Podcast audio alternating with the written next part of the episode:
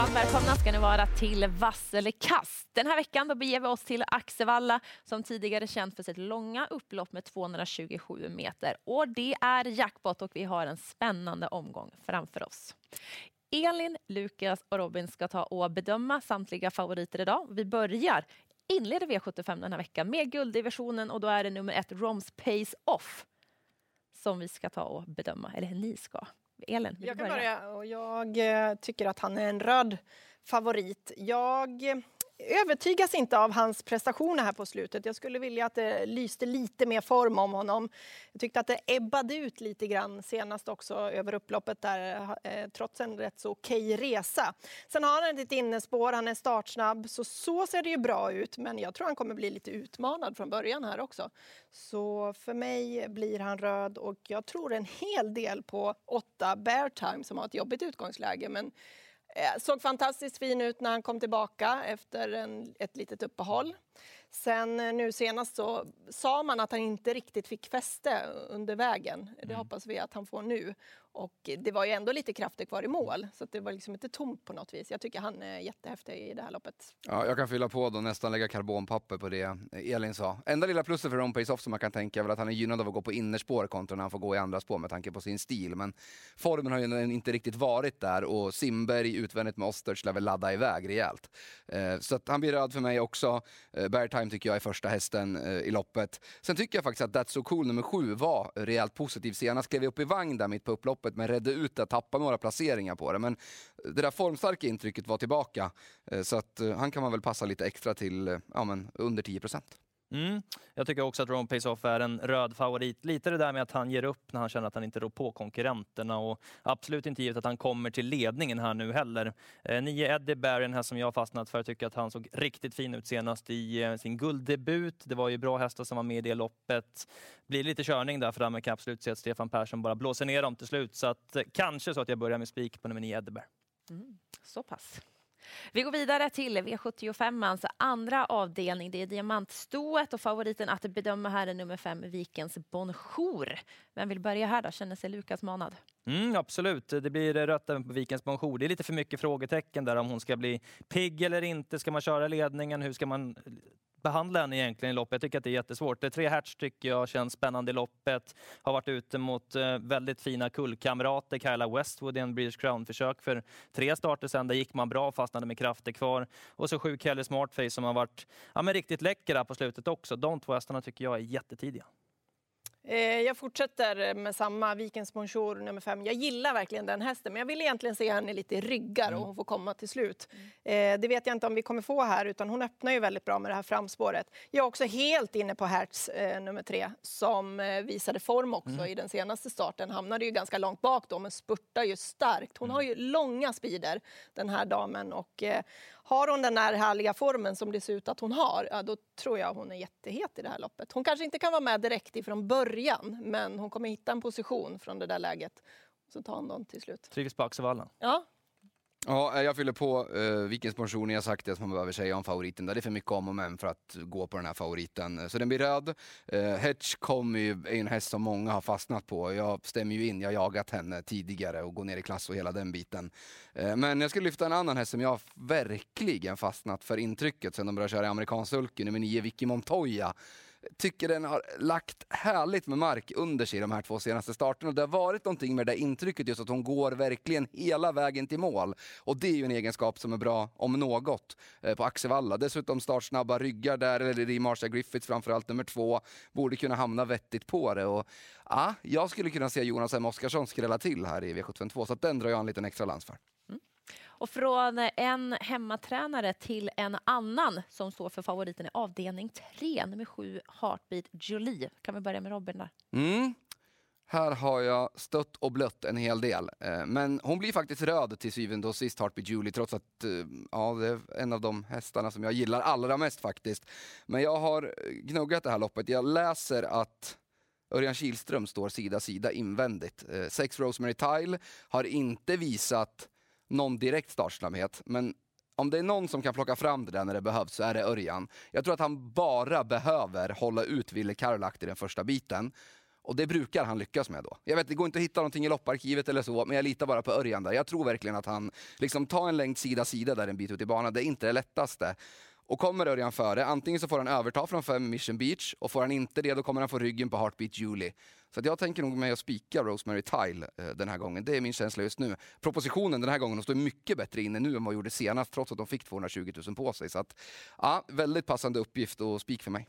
Mm. Ja, Jag eh, tror väldigt mycket på Heartbeat Julie och på den procenten som hon ligger på just nu så är jag inne på att det är en eh, grön favorit. Hon har dessutom kommit ner ett hack här. Hon kan öppna bra. Hon har strålande härlig fin form för dagen. Hon tål ju tugga på där utvändigt också. Hon behöver inte ha någon Jag ledning. tror hon har sju av elva segrar är från döden. Ja, ja, så hon är ju tuff och stark. Så jag tycker att det är rätt favorit i loppet. Sen får vi se om jag går på henne rakt ut. Eh, Man vill ju ha den sista informationen. Men just på den procenten hon ligger på just nu så tycker jag att det är rätt favorit. Mm, jag st- instämmer där med att det är rätt favorit med Heartbeat Julie. Eh, köper verkligen in mig på ditt snack där Robin med Rosemary Tile. Och skulle Örjan kunna plocka fram den här växeln att man kan hålla ut Heartbeat Julie så är det klart att det blir en sårbar favorit med tanke på att Örjan kan sitta i rygg på den. Men, eh, Om man inte får överta till och med. Ja, men precis. Eh, Men kommer Heartbeat Julie till ledning eller till dödspositionen utvändigt med Mission Beach och Örjan hamnar lite punchigt på det, då vinner hon ju loppet. Så att, ja, men grön favorit. Vi ska väl säga det bara att Ville Karolak var ju väldigt nöjd med nedstruken ett hack just med doseringen där på Axevalla. Mm. Att man kommer innanför där. Så. Mm. Vi går vidare. Avdelning 4, ett klass 2-försök. Den fjärde favoriten att bedöma är nummer 1, Woodbank.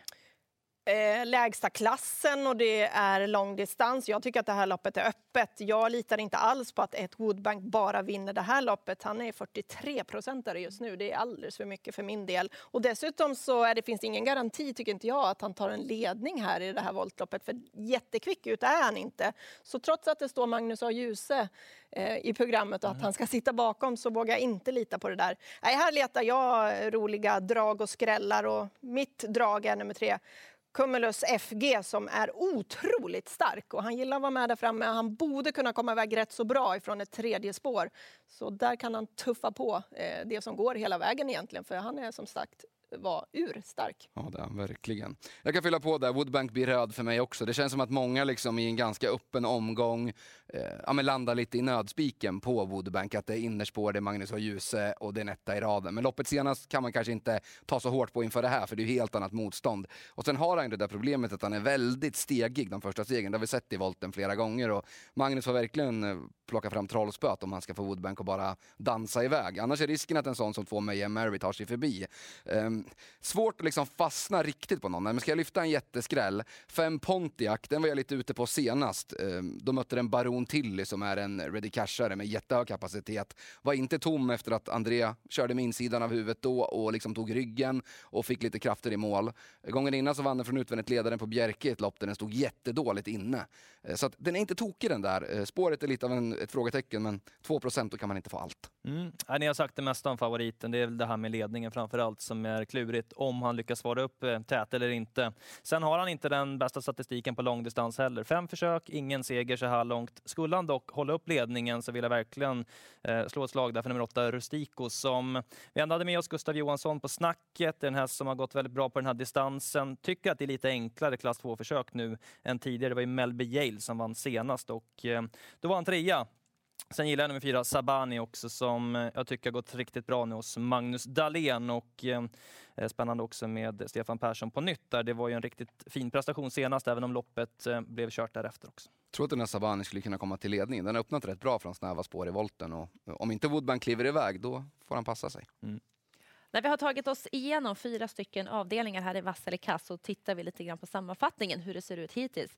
En vass favorit i avdelning 3, nummer 7, Heartbeat Jolie. Vidare avdelning 5 som är ett klass 1-försök. Spår 1 bakom bilen, nummer 1 Cassius Clay DE respektivande med två raka segrar. Vad tycker Elin här? Ja, eh, hon, han bara stiger och stiger på procenten och det gillar jag inte för jag tror jättemycket på honom. Han har visat att formen sitter där.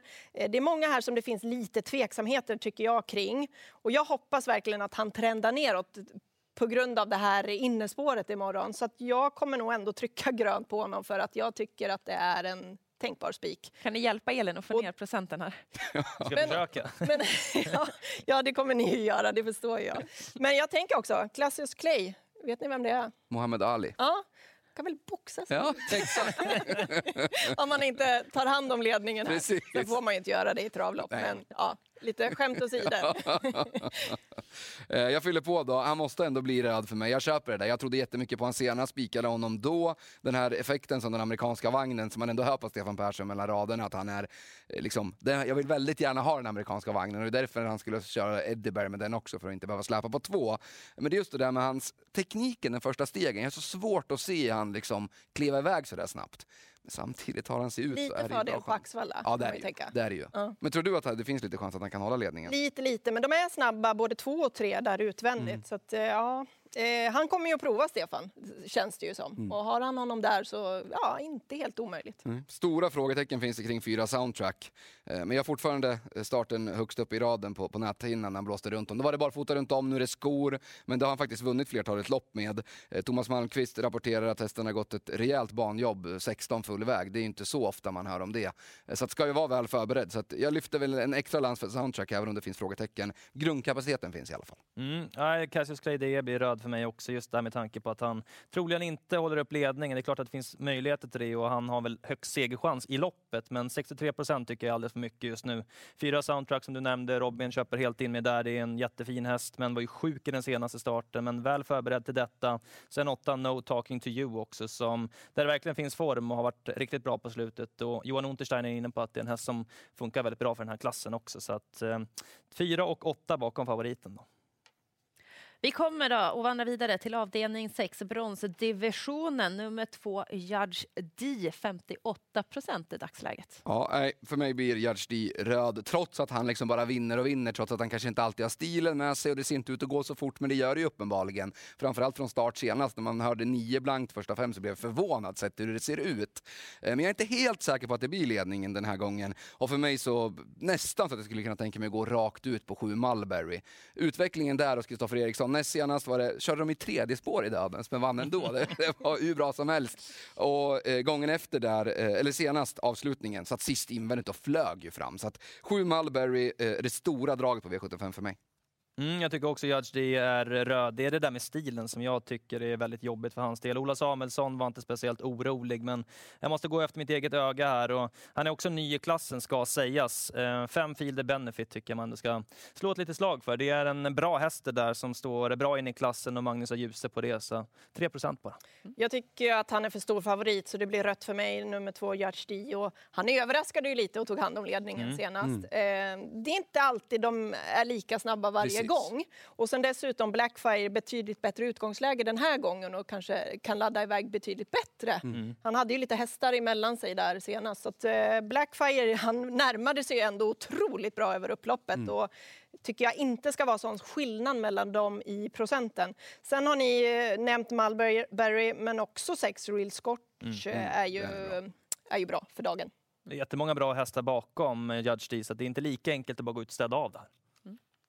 Avslutningsvis då, V75 7 silverdivisionen och så tittar vi på startlistan där och så har vi en favorit att bedöma i nummer 5, Bottnas Idol.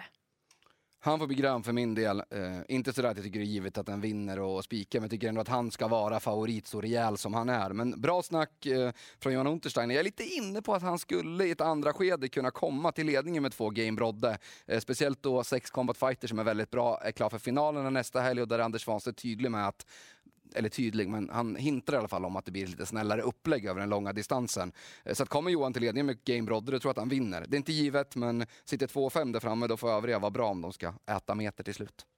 Jag tycker också att det är rätt favorit i fem Bottnas Idol. Eh, han har dessutom tagit sex av sina nio segrar på eh, längre distans än 2,6. Han gillar ju den här långa distansen. Och han visade att eh, han är riktigt bra i ordning senast när han vann här.